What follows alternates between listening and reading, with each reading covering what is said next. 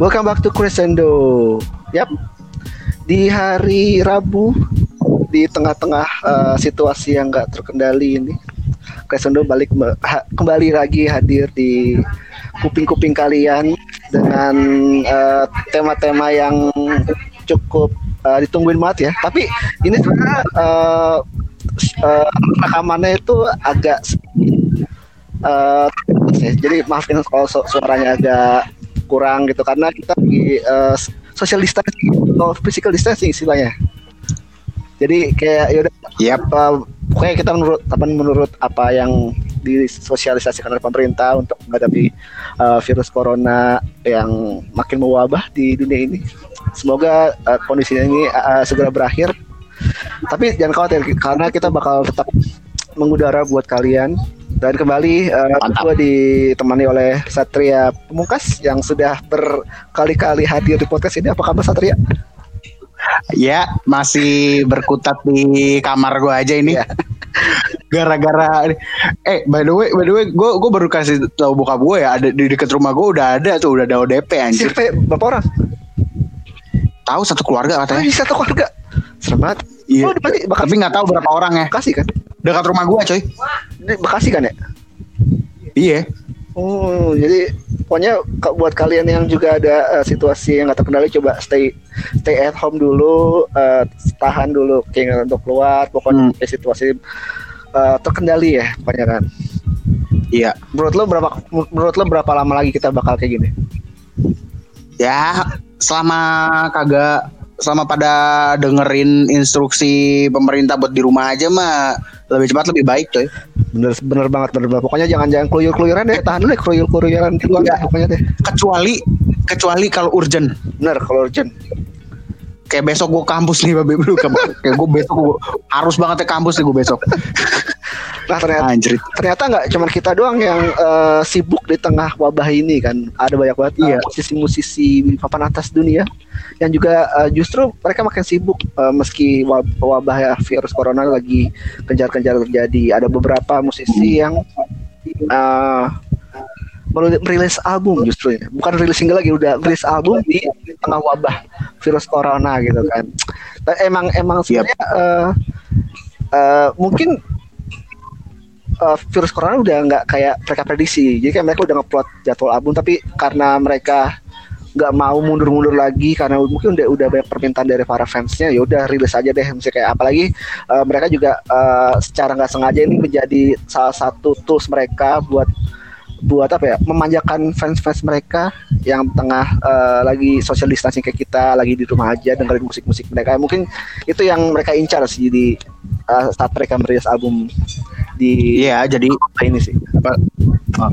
iya jadi istilahnya dengan dengan kayak ada apa namanya ada wabah kayak gini, ada ada himbauan untuk social distancing kayak gini, itu bikin orang tuh jadi ya udah udah lama kan lu nggak nggak apa namanya nggak merelaksasi diri sendiri gitu, lu nggak refleksi diri sendiri gitu, ya kan? Bener bener bener, bener banget.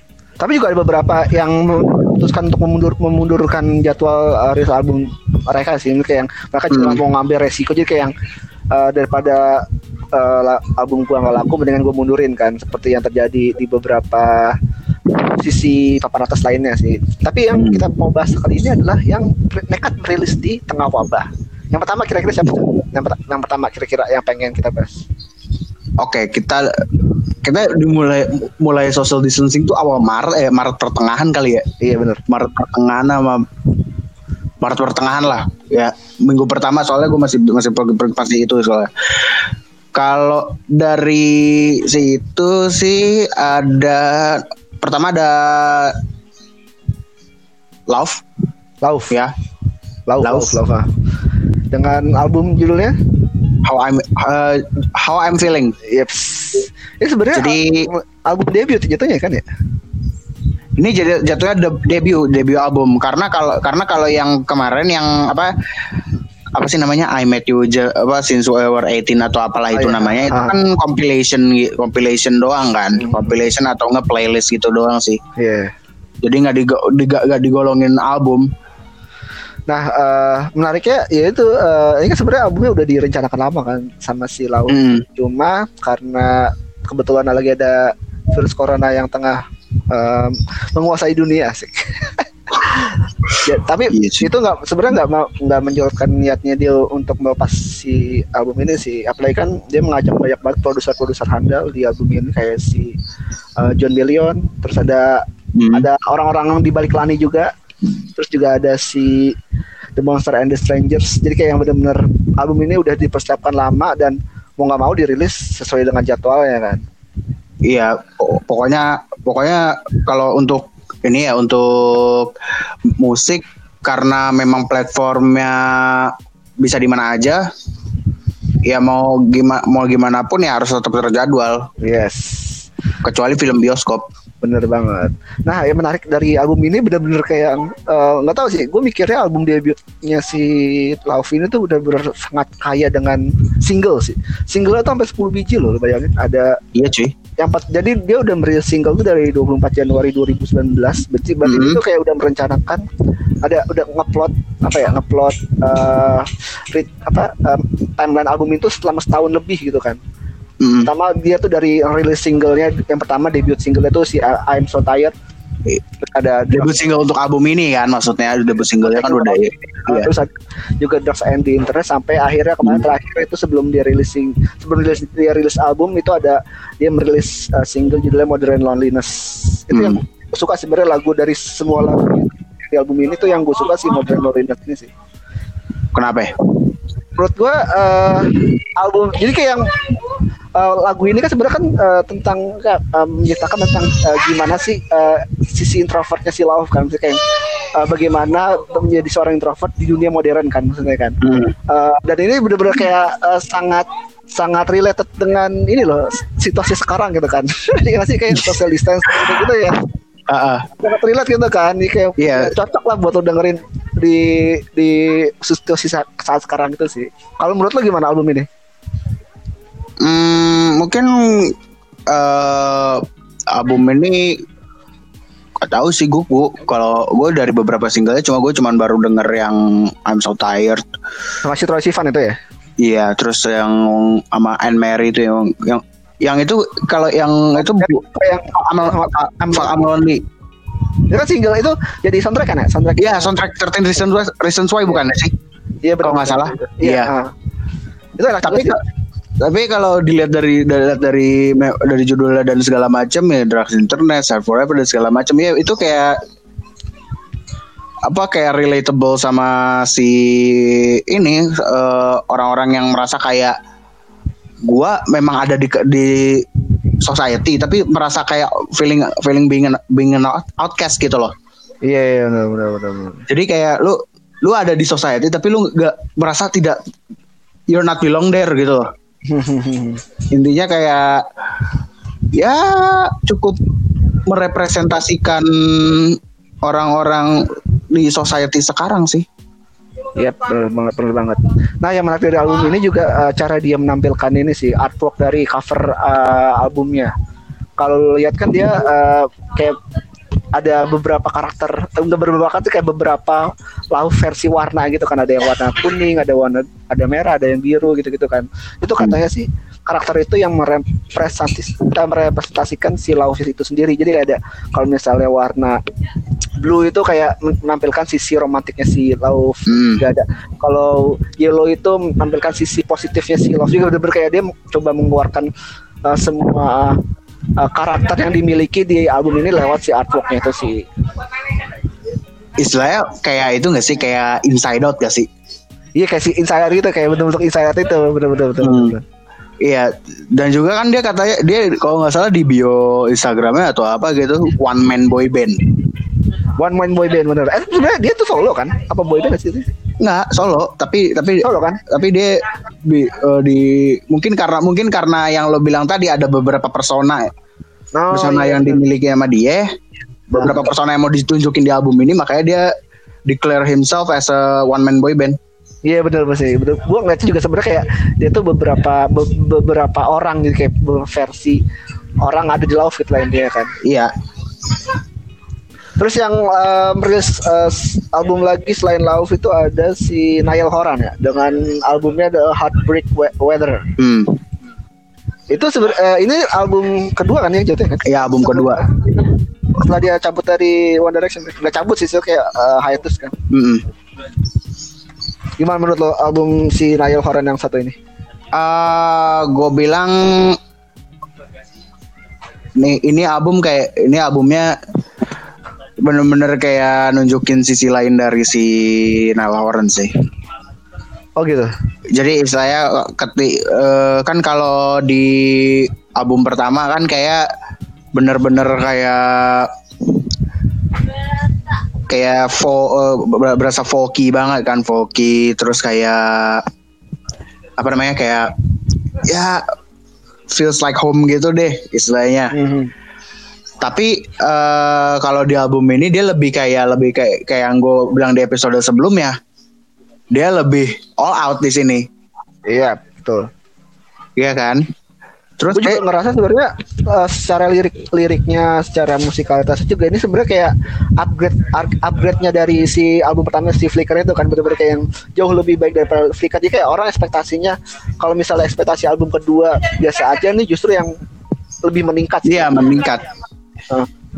Biasa tuh kalau biasa kan orang yang gue bilang benchmark orang eh, benchmark musisi itu album kedua kalau kalau menurut teori gue dan dan Niall Horan terbukti dia bisa sukses dengan sukses uh, mengelevate dirinya sendiri di album keduanya ini. Iya benar banget sih. Terus juga ini sebenarnya uh, di album ini itu dia juga beberapa kali enggak beberapa kali kayak yang ada beberapa orang yang juga diajak kerjasama. Ada si yang paling mencolok sih yaitu si uh, Julie Michels. Julia Michaels. Itu dia uh, Julia Michaels. Michaels. Michaels sih. Julia Michaels. Hmm. Itu dia ngajak uh, collab di uh, lagu judul Dress. Itu jadi kayak bonus track gitu lah yeah. kan. Terus juga ada uh, beberapa orang juga diajak kayak si Teddy Grinker, terus ada si Scott Harris sama John Ryan juga diajak sama dia buat hmm. berkolaborasi bikin album ini. Uh, sebaik mungkin dan akhirnya emang uh, pas diluncurkan kemarin luncur tanggal berapa? Tanggal Januari ya? Januari Februari lah. Apaan ini? Ini album di uh, Februari gitu ya apaan ya? Si, si Heartbreak Weather ini? Ah, 13 Maret. Ya? Oh, Ma Maret ya? 13 Maret kan gitu Mbak. Oh, 13 Maret. Iya, benar-benar 13 Maret. 13 Maret. Gimana? Dia langsung langsung uh, menembus uh, chart Billboard langsung berada di nomor 4 chart Billboard 200 hmm. dengan penjualan sampai 50 59 ribu wow. uh, unit itu dengan situasi kayak gini ya kayak orang masih bisa dengerin full album dengan situasi orang dengan situasi si virus corona ini lagi mewabah itu kayak su sebuah prestasi sih. Dan itu yang nggak diikuti oleh uh, teman-temannya dia kan. Teman-teman dia masih masih pasif aja kan sampai sekarang kan. Ya gitu. Gimana ya? Mungkin kayak si itu aja kan yang yang tahu yang ikut yang sama-sama tahun ini aja si Louis. Hah? sepi kayaknya. Kagak ada ini kagak ada gembar-gembornya konser juga konser juga dibatal, dibatalkan kan si Louis kan di Indonesia. Uh, postpone. Oh, postpone ya? Postpone ya? Postpone. Uh, katanya sih album uh, kayak beberapa musisi apa kayak beberapa kritikus juga menyampaikan uh, pendapat mereka salah satunya itu si Neil McCormick dari The Telegraph itu dibilang kalau album ini tuh uh, menjadi album dari semua member member One Direction yang punya album yang mirip dengan One Direction ya cuma si Nia Niall ini sih di albumnya ini kata dia ya istilahnya gak kayak nggak jauh-jauh gitu kan Iya nggak jauh-jauh dengan apa yang dihadirkan di One Direction hmm. sih. Sedangkan kayak teman-teman yang lain kan benar-benar kayak udah keluar pattern banget kayak misalnya si Zion tuh dengan R&B-nya terus juga si siapa Harry si Harry dengan klasik-klasik rocknya gitu kan kayak udah keluar dari patternnya kan. Sedangkan si Niall itu masih main aman hmm. nggak hmm. main aman sih kayak masih jadi kayak membuat uh, fans-fans One Direction itu uh, ter lebih tertarik dengerin mungkin dengerin dia pada dengerin teman-teman yang lain kan. Maksudnya gini kayak kayak mereka eh, kayak si Nail ini bikin album ini lebih eh, nggak uh, tahu album album ini atau album sebelumnya ya itu dia bikin kayak ya seenggaknya ya lu nggak lu uh, untuk project solo gue ini gue kasih yang memang familiar di telinga lu semua. Ya sih. Ya, betul, betul, betul. Oh, betul, betul, betul. Iya kan? Jadi ya ini apa bener, uh, nice move juga sih. Hmm. Uh, album ini tuh memiliki empat single dengan total tracknya tuh 14 track untuk uh, track, track standard edition. Ya, track, uh, edition single edition eh apa standard sam, sa, dan target edition dan uh, target edition itu ada jadi 16 kalau lu tambah 2 16 sama nothing itu tapi uh, menurut lo dari semua track ini yang paling menarik perhatian lo lagu apa? Uh, gue semalam nge-repeat lagunya yang No Judgment. No Judgment. Iya, yeah, No Judgment. Menurut lo apa? Enak banget kayak apa gimana? Uh, Niall Horan dengan kearifan Major Lazer. Aja. Iya sih benar-benar. Iya kan? Emang iya mirip-mirip. Iya. Iya, iya benar-benar. Kayak kayak beat itu kayak benar-benar kayak eh ini makanya gue gue kayak bilang produsernya siapa nih produser apa produser si Diplo atau Major Lazer nih apa gimana gitu kan soalnya kayak pertamanya ya awal-awalnya sebelum di feel diisi-isi sama apa uh, instrumen yang yang band yang drum yang band banget itu kelihatannya kayak mirip banget sama Major Lazer gitu loh. Kalau gua itu yang paling gua dengerin itu yang judulnya Nice to Meet. Nah, itu. Itu juga uh, uh, lagu ini kayak gak gua temukan di album sebenarnya sebenarnya sih. Kayak yang ini kan sebenarnya uh, kayak ada ambience ambience rock 2000-an gitu. Mm -hmm. Jadi kalau nggak salah ini juga dia dia kolaborasi sama sama siapa kolaborasi itu jadi kayak sama si Root and Connecting yeah. itu dia juga uh, sebenarnya si Root itu uh, ngefans banget sama Arctic Monkey jadi kayak bener-bener ngebawa uh, uh, five five Arctic Monkey Kasabian itu ke album ini yang bener-bener jadinya kayak enak banget sih denger dan beda banget dari dari lagu-lagu si Niall yang sebelumnya ya. Oh iya dan juga Ruth and Cunningham ini uh, juga orang dibalik si lagunya Little Little Too Late-nya Jojo. Oh iya. Yes. Terus In the Name of Love-nya Martin Garrix. Terus dia juga pernah nulis buat dia juga, buat si Niall juga di ini lagu Slow Hands. Dan menariknya lagu ini tuh cuma ditulis eh, eh, cuma sehari. Kalau salah digarap tuh cuma sehari sama si Niall sama si Ruth. Oh. Kayak bener-bener magic gitu, kayak bener-bener langsung jadi gitu dari itu juga. Hmm. Terus juga selain Niall itu juga ada uh, The Weeknd dengan After Hours. Ini kayak ini baru ini baru banget kan ya, baru baru kemarin banget. Iya, baru minggu kemarin, baru minggu kemarin banget ini. Baru minggu kemarin banget. Iya. Coba uh, yang lu pikirkan uh, dengan album After Hours itu bikin apa satu kata? Konseptual. Iya, konseptual. Konseptual. Wis Kenapa itu? Kenapa? Kenapa? Gue gue gak tahu ya kalau kalau album ini kayak lebih banyak story lebih lebih kayak lebih kebentuk kayak storyline daripada yang apa namanya daripada album sebelumnya. Oh gitu. Iya. Hmm. Tapi sebenarnya album ini kan juga uh, yang terakhir dirilis album kan 2018 kan ya? Uh, album kalau studio album sih 2016 kan kalau yang 2018 EP. Oh EP ya benar. 2016 dengan Starboy.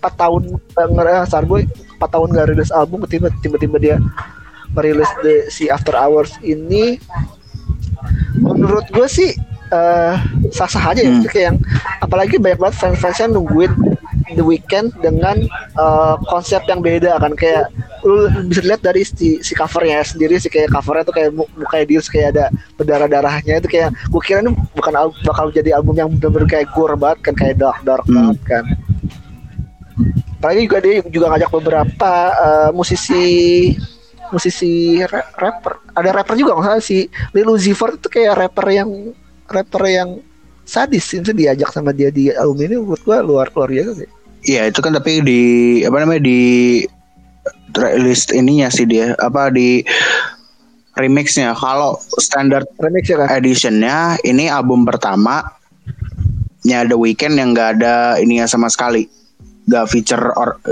seseorang oh dia benar-benar hmm. sendiri lah dia. tapi ke orang-orang di baliknya agak-agak pas gue riset riset riset lagi agak-agak gawat juga nih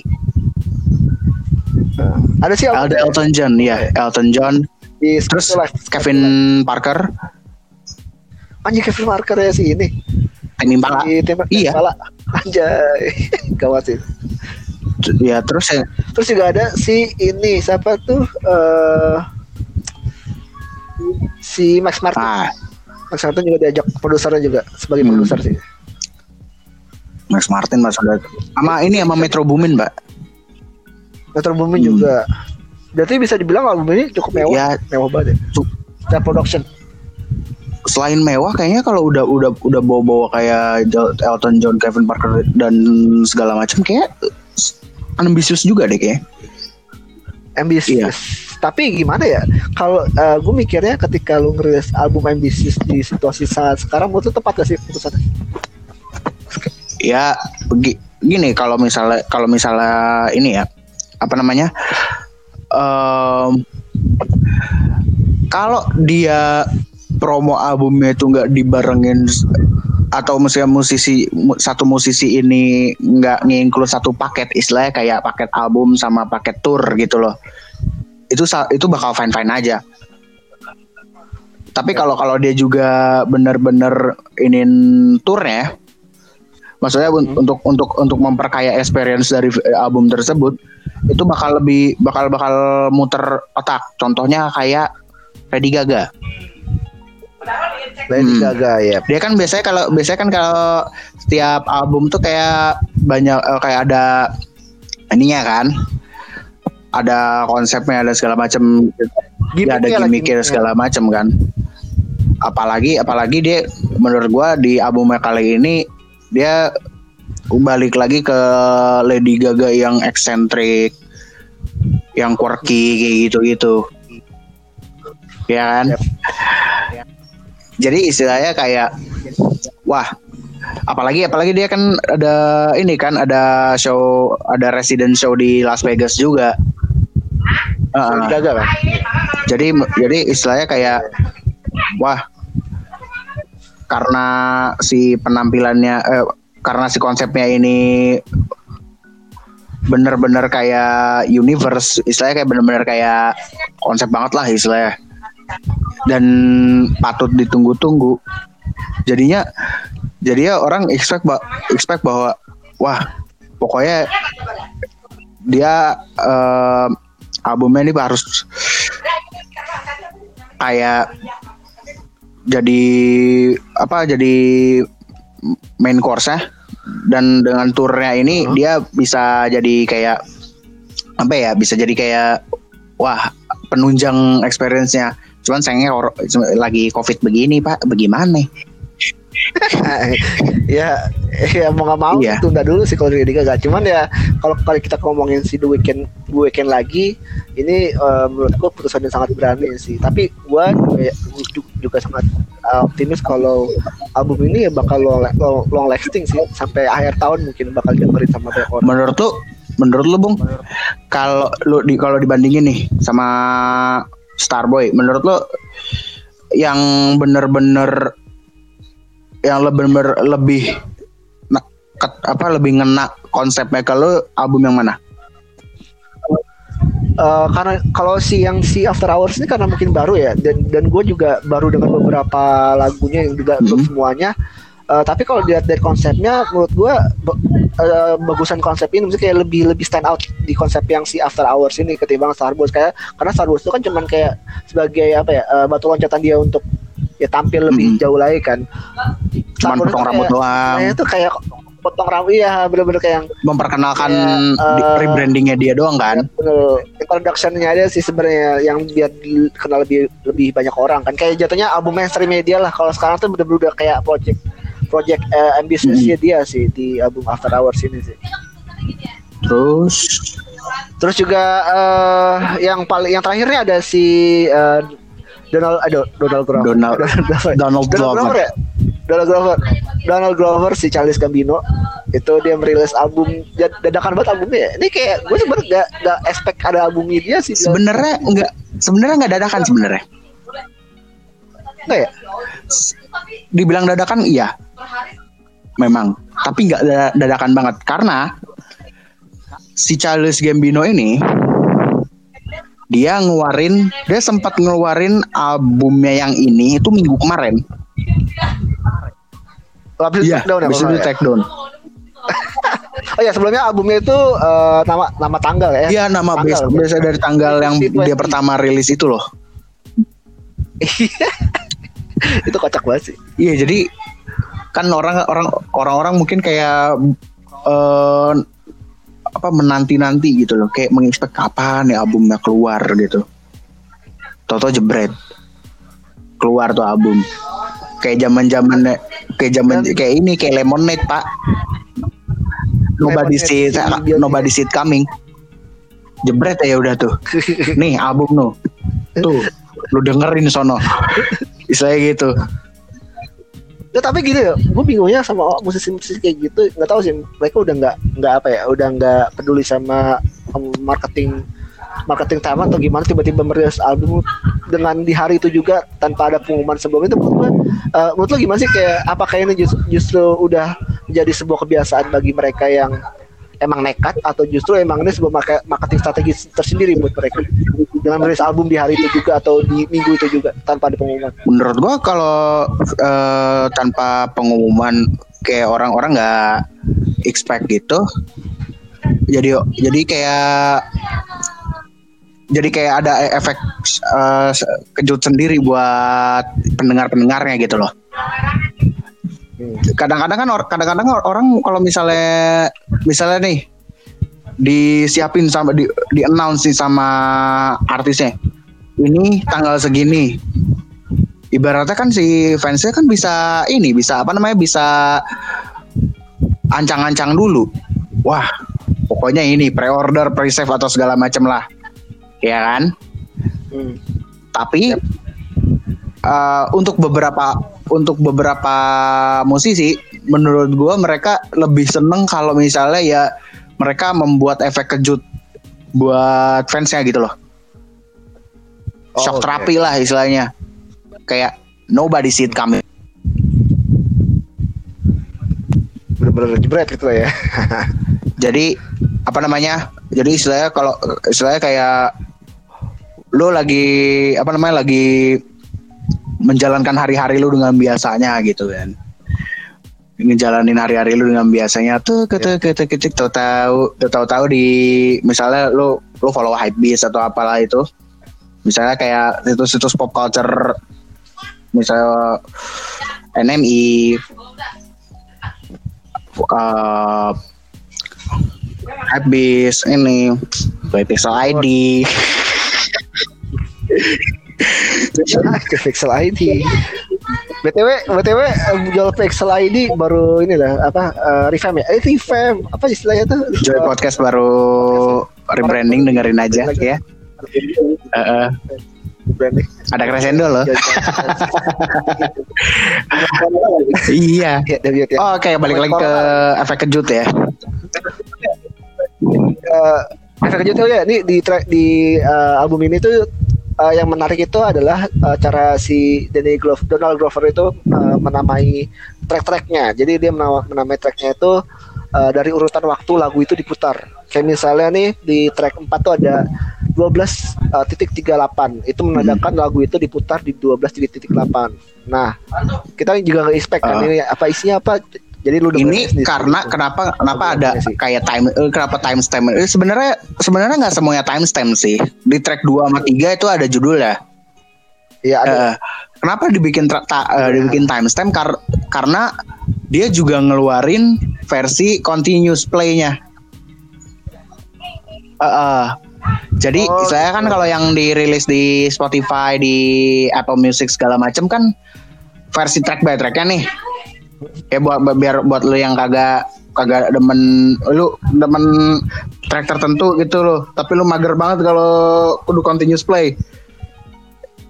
Jadi bisa dia track by track segala macem gitu. Ada dikeluarin versi track by tracknya. Nah kalau versi continuousnya bisa di YouTube ada. Di YouTube di YouTube-nya Donald Glover kalau salah. Itu ada dan juga ada di websitenya sih tapi limited time katanya kalau yang do- di website yang Donald Glover Presents ini dan juga Oke. dan juga di album ini eh, banyak banget kolaborasi kolaborasi gawat gawat banget Oh gawat banget. Ariana Grande Kayak siapa tuh? Kayak, kayak siapa? Kayak siapa? Ya Time Ariana Di lagu Time ya. salah. Tapi itu kalau nggak salah nggak dimasukin ke ini deh. Kayak nggak dimasukin Iya, ke ya- ya makanya kan gua bilang itu- itu- itu juga salah satu konsepnya. ke Ini ya. Aduh. ya kayak ini aja kayak siapa ya kayak Berarti jatuhnya dia cuma ngebayar doang ya, ngebayar artisnya nih. Gue gue kasih du- gue punya duit segini lo tampil di lagu, di lagu gue, tapi lu nggak perlu untuk ya kalau misalnya kalau misalnya dikasih tahu konsepnya kayak gitu ya fine fine aja sih kayak contohnya kalau eh, lu, lu kira lu album-albumnya Avicii mendingan kagak ada featuringnya? Sebelum album posthumous-nya ayo. Iya nggak ada feature ya. kagak ada feature Galantis zaman dulu? Yep. mana ada feature yang debut albumnya? Nggak ada. Oke, balik lagi ke kolaboratornya. Ada Arena Grande, Kaja Bonnet, terus ada 21 Savage, terus juga kembali de- eh, dia juga kembali ngegarap deng- ngegarap album ini dengan kolaborator frequentnya yaitu Ludwig Göransson. Yang sebelum ya sebelumnya juga dia dia eh, memproduce eh, album terakhirnya itu si Awaken My Love sama sama, sama dia dia terkenal Sama salah satu karyanya itu scoring Black Panther. Salah satunya Oh dia dia tuh scoring juga gitu ya si si ya Ludwig Göransson juga film eh, apa itu. eh, pro- kon- eh, komposer juga Tapi sebenarnya kan si Donald Glover aja kan dia kan seorang aktor gitu kan ya kayak dia benar-benar gak, gak jauh-jauh lah. Maksudnya lingkungan mainnya itu ya kalau nggak komposer musician itu juga Iya. eh, komposer juga kan kayak benar-benar gak jauh-jauh. Mungkin kan suatu saat kan dia bakal bisa kolaborasi sama komposer handal lah kayak, kayak yang kayak yang lebih jauh, lebih bagus lagi. Siapa yang yang, yang bikin Interstellar? Gitu-gitu. John eh John Si ini si siapa? Siapa? Gue lupa namanya. Hans Zimmer Eh, Hans Zimmer. terus Hans siapa lagi sih mungkin siapa tahu kan ntar Bisa jadi sih, ya. Zimmer nggak tahu juga kan Mm-mm. Camino ini menarik menarik banget loh apa tergantung sih tergantung dia si, si punya konsep nah tapi Uh. masuk masuk aja sih kalau kalau si Charles Gambino sih. Musiknya yang dia kan sebenarnya musik musiknya itu kan sebenarnya menurut gue ya musiknya Charles Hmm. Gambino itu lu, luwes banget sih. Kayak lu mau mau ke mana aja bisa mau lu deketin ke jazz bisa lu mau deketin ke future bass bisa gitu-gitu kan. Musik yang luwes lah misalnya ya bisa berbagai Hmm. eh, eksperimen bisa dia lakukan sih. Ya dan Project dan ini menurut gua jadi spekulasi sendiri kenapa coba? Karena hmm. rumor-rumornya kenapa? ya si Donald Glover ini pengen mempensiunkan si Gambino sebenarnya. Iya di do- oh gitu? Emang nggak tahu mungkin cap- mungkin cap- kayak eh, kayak di satu sisi mungkin nggak tahu karena capek atau ya dia mau mengeluarkan karya dengan namanya sendiri mungkin.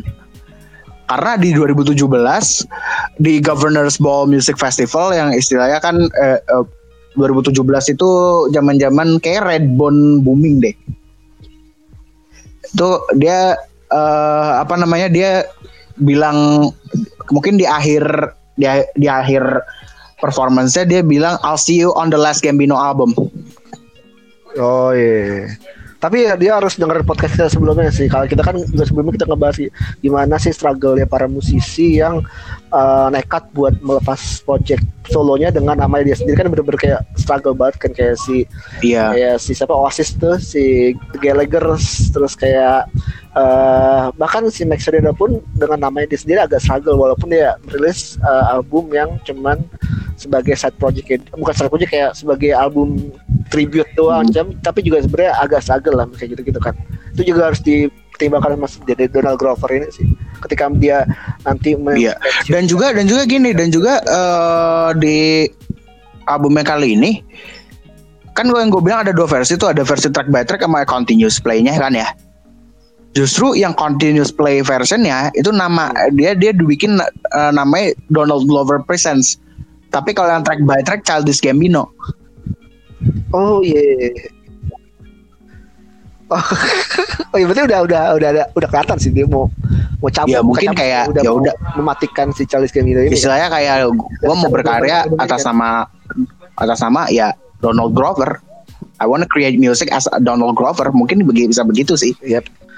Nah selain keempat musisi tadi sebenarnya ada banyak banget musisi-musisi yang Mm-mm. berencana bakal menulis album dalam waktu dekat di tengah uh, situasi virus virus uh, corona ini kan. eh bentar Karena- ya pokoknya kayak itu tadi kita sudah membahas yang telah ya ya tadi yang telah sekarang kita bahas telah yang yang itu tadi yang telah ya, telah merilis lah itu ya. upcoming Yang upcoming, upcoming, upcoming. pastinya Yang udah pasti rilis maksudnya. Yang pertama Dua Lipa. ada si siapa? Si Dua Lipa ya. Dua Lipa dimajuin dari Jumat Dua ini Lipa di Jumat ini kan dia bakal Padahal eh, rencananya rencananya dia bakal ngeluarin album keduanya ini si Future Nostalgia ini di 3 April. Minggu depannya. Bocor. gara-gara kenapa tuh? Oh bocor di masih masih masih bisa ya bocor ya di di apa di situasi yang kayak gini-gini yang orang mungkin udah malas apa dengerin lagu gitu tiba ada ngebocorin salah satu Iya, karyanya jadi- musisi hebat gitu. Jadi kayak gini, jadi katanya gini sih dilansir dari BBC ya. Bentar. Jadi kan dia sempat apa? eh itu dia di announce pas dia Instagram live. Gitu. Dia Hmm. dia statementnya gini, dia statementnya begini. Eh dia I've been a little bit conflicted about whether it's the right thing to do during this time, but lots of people are suffering. I'm not sure if I'm even doing the right thing, but I think the thing we need the most at the moment is music, and we need joy, and we need to be trying to see the light. I hope it makes you smile, and I hope it makes you dance, and I hope it make you proud. Intinya adalah dia sebenarnya gak galau tuh kan dia mau merilis album ini karena Uh, uh, dia merasa waktunya nggak tepat gitu kan apa Iya, banyak orang-orang kena corona gitu-gitu kan. Tapi ya dia pengen pengen menghadirkan apa, sebenarnya sebenarnya nih gitu ini albumnya cukup gini. kayak agak-agak konseptual juga soalnya kan kayak warna dari dari album yang eh, self debut albumnya sama album yang ini tuh kayak jauh banget beda ya coy Enggak, Hmm. yang dari beberapa iya, denger dari ya, beberapa albumnya. single yang dia udah keluarin, udah dia keluarin menurut Iya kan, di kan eh, jadi- apalagi yang terakhir tuh yang physical tuh. Hmm. Physical tuh kayak istilahnya kayak Oh, iya, fisik. eh kayak anthem-anthem senam 80-an gitu. Tapi yang yang yang pasti yang bakal dihadirkan dan bakal bisa dinikmati dari Future Nostalgia ini adalah eh, dia tuh si Dua Lipa mengangkat lebih banyak eh, Mm. genre-genre kayak disco, pop disco, disco gitu yang kayak yang Iya. kayak lu dengerin di Gwen Stefani terus kayak Madonna kayak gitu-gitu ya misalnya Ah. yang disco disco tujuh Olivia Newton-John. tujuh puluhan lah ya di, di album ini kan apalagi apalagi kan dia apalagi eh, covernya itu benar-benar ya cover orang-orang 90 Mm-mm. dia pakai baju pink ya shirt pink gitu terus dia pakai ada kayak sarung tangan panjang gitu warna putih bagus lucu lucu sih bagus sih dengan dengan ini ya dengan konsep tapi kalau kalau Karena masih karena masih ini. sih. Tapi dengan eh, dengan apa ya? Dengan tiga single yang udah dirilis, eh, dengan tiga single dirilis, menurut lo bakal sukses, sukses apa ya? Apalagi kan si, eh, si eh, NME sendiri dia ngasih rating sampai 5 gitu kan di di rating mereka. Apakah ini bakal sebagus eh, debut album dia? Apa justru lebih bagus pada Eh, karena gini apa? Kalau menurut gue su- bakal sukses apa enggak ya kita nggak tahu ya kan? Itu kan baru apa resepsinya baru satu istilahnya kan. Kita bel- belum tahu gimana ininya kan. Eh, tapi menurut gue eh NMI five star nih. Iya dia ngasih eh, Iya makanya kan kayak gue kalau gue bilang sakit kan? ini salah satu project ambisiusnya Dua Lipa sih menurut gue. Karena karena dia dia sampai-sampai bikin eh, dia kayak eh, album ini kan bener-bener kayak terinspirasi sama yang lo bilang Gwen Stefani, Madonna, Blondie, Outcast bahkan Out- Outcast juga di, dia dia jadiin si inspirasinya gitu kan. Ya menurutku kayak gimana ya eh bisa jadi ini bakalan jadi kat apa jadi ki- apa kan sorry jadi apa ya Ya jadi jadi Jadi, ya itulah kalau gue bilang ya, teori album kedua. terbaik. Iya, Hmm. Kayak benchmarknya lu bakal Oh iya di, di sini kedua. juga di albumnya ini eh b- tetap ya tetap ada campur tangan Julia Michaels juga di sini. Iya. ah masih ada Joel Michaels juga ya. Tapi emang Joel Michaels tuh di di semua musisi itu ada aja sih nama-nama dia. Apalagi kan dia emang dikenal Hmm, sebagai sama ini S.J. Lewis nih. jual banget kan. Ya Yep. yang bakal rilis ada Five Second of Summer rilis di masih. aduh itu Five Second of Kenapa ya? Kenapa? Gue sebenarnya males sih dengerin band itu sebenarnya sih. Eh eh, sebenarnya sentimen gue nggak musik mereka bagus, musik mereka bagus. Cuma band ini salah satu yang eh, ketika lu main di pop mainstream lu Ah. konsisten merilis album, at least merilis single gitu kayak. Sedangkan ya itu terakhir tuh eh, terakhir dia rilis album kan di 2018. Habis itu eh, Hmm. ya biasa aja gitu nggak ada yang benar-benar stand out banget kan kayak dia tuh sempet kayak Fox sempet lama juga sempet sempet lama eh, nyari duit eh, di offline juga soalnya di di di album yang kedua tuh yang judulnya Sounds Good Sounds Good Feels Good itu ada gap sekitar ti- tiga tahunan itu sampai dia harus merilis al- eh, album Youngblood yang menurut gua ketika ada di Iya. lu, lu bilang kan album kedua itu sebagai benchmark lu bakal sukses di album nextnya kan Eh ketika lo udah terlalu lama untuk nggak merilis album sampai dengan gap yang ti- tiga empat tahun menurut gue udah basi banget ketika merilis Youngblood dengan dengan konsep yang pop pop EDM banget gitu kayak udah udah menurutku udah habis sih Five Seconds Summer ya. Masanya ya masa masa dia yang yang dulu di album. Kalau menurut gua kayak udah. em, eh, ada beberapa orang yang memang lu eh, di dia nggak rilis lama tuh bener-bener ditungguin lah ya. Eh, menurut gua kayak hmm, sebenarnya dari album yang ketiga tuh menurut gua kan kan eh, album pertama album kedua kan itu masih kental banget popangnya ya. Popang banget kan. Cuman karena Popangnya album banget, ketiga iya, popangnya luntur jadi jadi menurut gua kayak "Ma, anjing malas banget gua. Iya maksud gua kayak kayak lu udah malas eh lu bener eh, bener-bener kayak kayak ngepopnya bener-bener men- eh, dominan gitu daripada punknya gitu loh meskipun meskipun meskipun Iya. menurut gua ada Meski yang kan ada yang nyantol lah kan. contohnya kayak Want You Back juga nyantol terus ya yang Teeth juga Teeth juga ini kan eh masuk soundtracknya Thirteen Reasons Why kalau nggak salah malah jadi theme songnya Survivor Series tahun kemarin iya benar iya. WWE theme songnya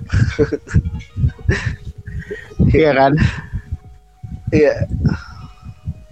Ya, setuju sih, setuju, setuju banget, setuju sih kayak popang ketika orang expectnya popang yang lebih segar lagi ternyata justru mereka keluar dari jalur yang sudah di, diharapkan oleh fans nggak fans kayak yang diharapkan oleh kayak gua gitu kan. Misalnya gua dengerin lagu kayak di di sound sound good feels good tuh ada lagu yang gue suka itu ada si si Skada Hot itu menurut gue Mhm. bagus banget karena dia kolaborasi sama ba- banyak banget artis-artis popang pop rock popang kayak si si produser aja si John John Feldman terus ada Benji Madden sama Joel Madden yang diajakkan tapi ketika di orang-orang popang. selanjutnya dia udah nggak kolab sama orang-orang yang di balik album sebelumnya iya justru dia kolabnya sama yang kayak produsernya bisa dibilang kayak Hey. pop Hey. si The Monster and the Child Hey, ya, kayak kau tahu tidak? di The Weeknd Kau tahu tidak produsernya di album barunya ini salah satunya ya salah satu salah duanya ada Watt, Andrew Watt siapa sama Charlie Puth.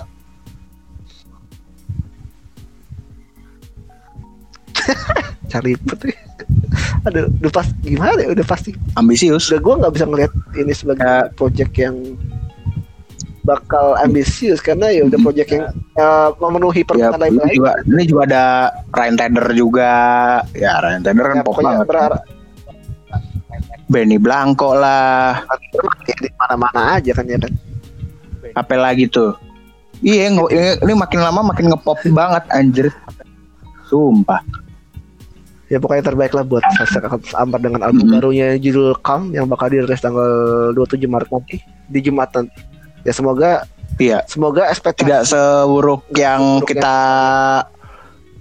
Yap. apa kita hipotesiskan lah istilah kita duga lah itu lah. Hipotesis anjir. Terus juga hipotesis. Ntar minggu depan nih Stevie Aoki ada lagi Neon Future 4 Steve Aoki anjay. Itu kakek-kakek belum berhenti berdj anjing nih masih pakai non feature dan dan ya, kok. eh, katanya minggu ini eh, dia ada berkolaborasi dengan penyanyi lokal. Siap. siap. Bukan. Oh ini. Gue tebak. Rini Wulandari bukan? Yang ini yang apa yang Eh, apa? Eh, eh kita pernah ngomongin ini gak sih yang dibilang? Eh enggak ya? Belum pernah belum pernah kayak. Ya kali di Jasmine. Enggak enggak enggak enggak, enggak. Eh, DJ Yasmin bukan? salah satu eh, eh, penyanyi Indonesia yang go internasional lah. Yoi cuy harus harus. Ya Pak Kak ya, betul sekali. Iya. mereka ya semoga sukses lah dengan Steve Aoki nya dia kan sel- selama ini kan dia eh, mainnya cuma kayak di TV Mm. layar gitu gitu kayak masih di era, apa rap R&B R&B gitu kan. Jadi sekarang udah ke arah ya ya mungkin nggak tahu ya kayak kayak bener, ini bener-bener kayak siak bes. apa namanya kayak ha- eh, satu hal yang baru buat Agnes Mo sebenarnya sih.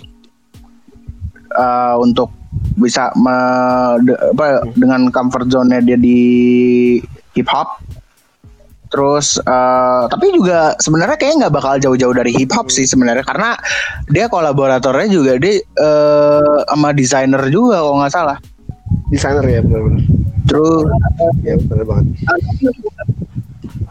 Apalagi pokoknya, ya, oh ini banyak banget sih yang lagi bakalan bakalan rilis. Eh, tapi Ya, ada yang udah yang udah apa namanya yang yang udah confirm bakalan udah pasti bakal ditunda ya itu sih Lady Gaga tadi itu pasti dengan ditunda karena corona boy oh ini kagak udah pasti tunda ya Terus ada lagi yang bakalan ada lagi tuh si yang ini yang gue bilang yang yang belum confirm ya. Eh Demi Lovato bakal ada album baru. I Love Me, I Love Me. Oh, iya. Eh, eh, Mana terus ada- single judulnya I Love apa I Love Love Love Cuma Love Myself, Pak. lagunya ini kayak I Love Love Myself. Mm-mm. I Love Me. Tapi kan jadinya sama kan? Iya. Jadinya kayak uh, apa? Terus sama siapa lagi ya? Self love Ada- itu ya, itu ya. yang yang masih belum apa ya masih belum masih ditunggu album ketiganya agak tapi rumor padahal udah keluar single banyak tapi kagak keluar keluar Z Z keluar single udah banyak tapi kapan nih keluar albumnya bener-bener? Z. ya kan? Terus ada lagi si Bener. eh, yang udah confirm Cardi. Cardi katanya udah Cardi B. Cardi B udah udah malah udah- malah katanya udah apa namanya udah confirm nih judul albumnya. Cuman nggak tahu cuman belum tahu kapan ininya dan eh, di tahun ini juga tiga pentolan Fifth Harmony bakal keluarin album Allen eh Ellie Brooke Si Nom eh, Naomi lagi siapa? Ellie Brooke, Lauren, Lauren Oregi, sama Normani. Kok Naomi sih gue bilang selalu Iya. Naomi gue. Terus eh, apa lagi? Si ini si Oh iya Lana Del Rey double album. Double yang satu ya musik biasa, tapi yang satu spoken word. Udah album. Eh, iya eh, dan juga Spoken dan juga eh, b- eh, albumnya spoken word ini juga bakalan dikeluarin dalam bentuk buku. Judulnya Violet Band Backwards Over the Grass. Terus kalau yang apa namanya? Kalau yang Anjay. album yang musiknya itu Why Hot Forever. Karena katanya roman eh, rumor-rumornya si Lana Del Rey setelah si Norman fucking Rockwell dia bakal ngeluarin album emang istilahnya kayak nggak di rem gitu loh. Ya gaspol lah udah selagi aku masih bisa berkarya. Hmm, langsung gas lo ya, gaspol ya. Hmm. Jadi pokoknya sampai segitu dulu eh, obrolan kita di Crescendo kali ini. Oh iya, Eh, by the way, semoga bentar. bisa menemani kalian di Bentar, Bung. waktu senggang di rumah. Eh, selamat Ya. hari raya nyepi tahun baru Saka untuk yang merayakan. Ya, jadi eh, Yap, yap, yap. Semoga di tahun yang baru ini bisa membawa hal-hal baik, ya kan? Iya, istilahnya, istilahnya karena Pendamaian di hati mungkin lah. kenapa, mungkin kayak gara-gara gara-gara eh, social distancing ini jadi lupa tanggal, coy. Hari ini tanggal merah, coy. Padahal hari Iya, gue juga lupa. Ya, Hari gitu ini libur ternyata. Sebelum Pokoknya tungguin, tungguin lagi nih, ntar nextnya kita bakal bahas ini sih. Gue pengen ngebahas eh, soal, eh gue pengen bahas All City sih. Setuju gak sih? Kalau bahas All City, soalnya kan kayak ya sekarang dia emang udah gak ada namanya kan Oh, cuma kayak- lo mau in depth? yang terinspirasi dari karya-karya dia. Salah Ayo, ayo, ayo. yang tadi kita bahas. Gue lebih pengen ide si All City sih. Kalau nggak salah si Love itu juga ngefans banget sama si All City. Bahkan sebelum dia susah, susah sekarang, Love itu mempelajari semua production eh, production standpointnya yang dibikin oleh All City di album eh, Maybe I'm Dreaming. Dia bener-bener belajar musik dari Hmm. si album All City ini. Apakah Ya, ya, oke. masif itu kah All City? Ntar kita bahas di episode, episode yang selanjutnya. Yo. Oke, sampai ketemu di episode yang akan datang. See you.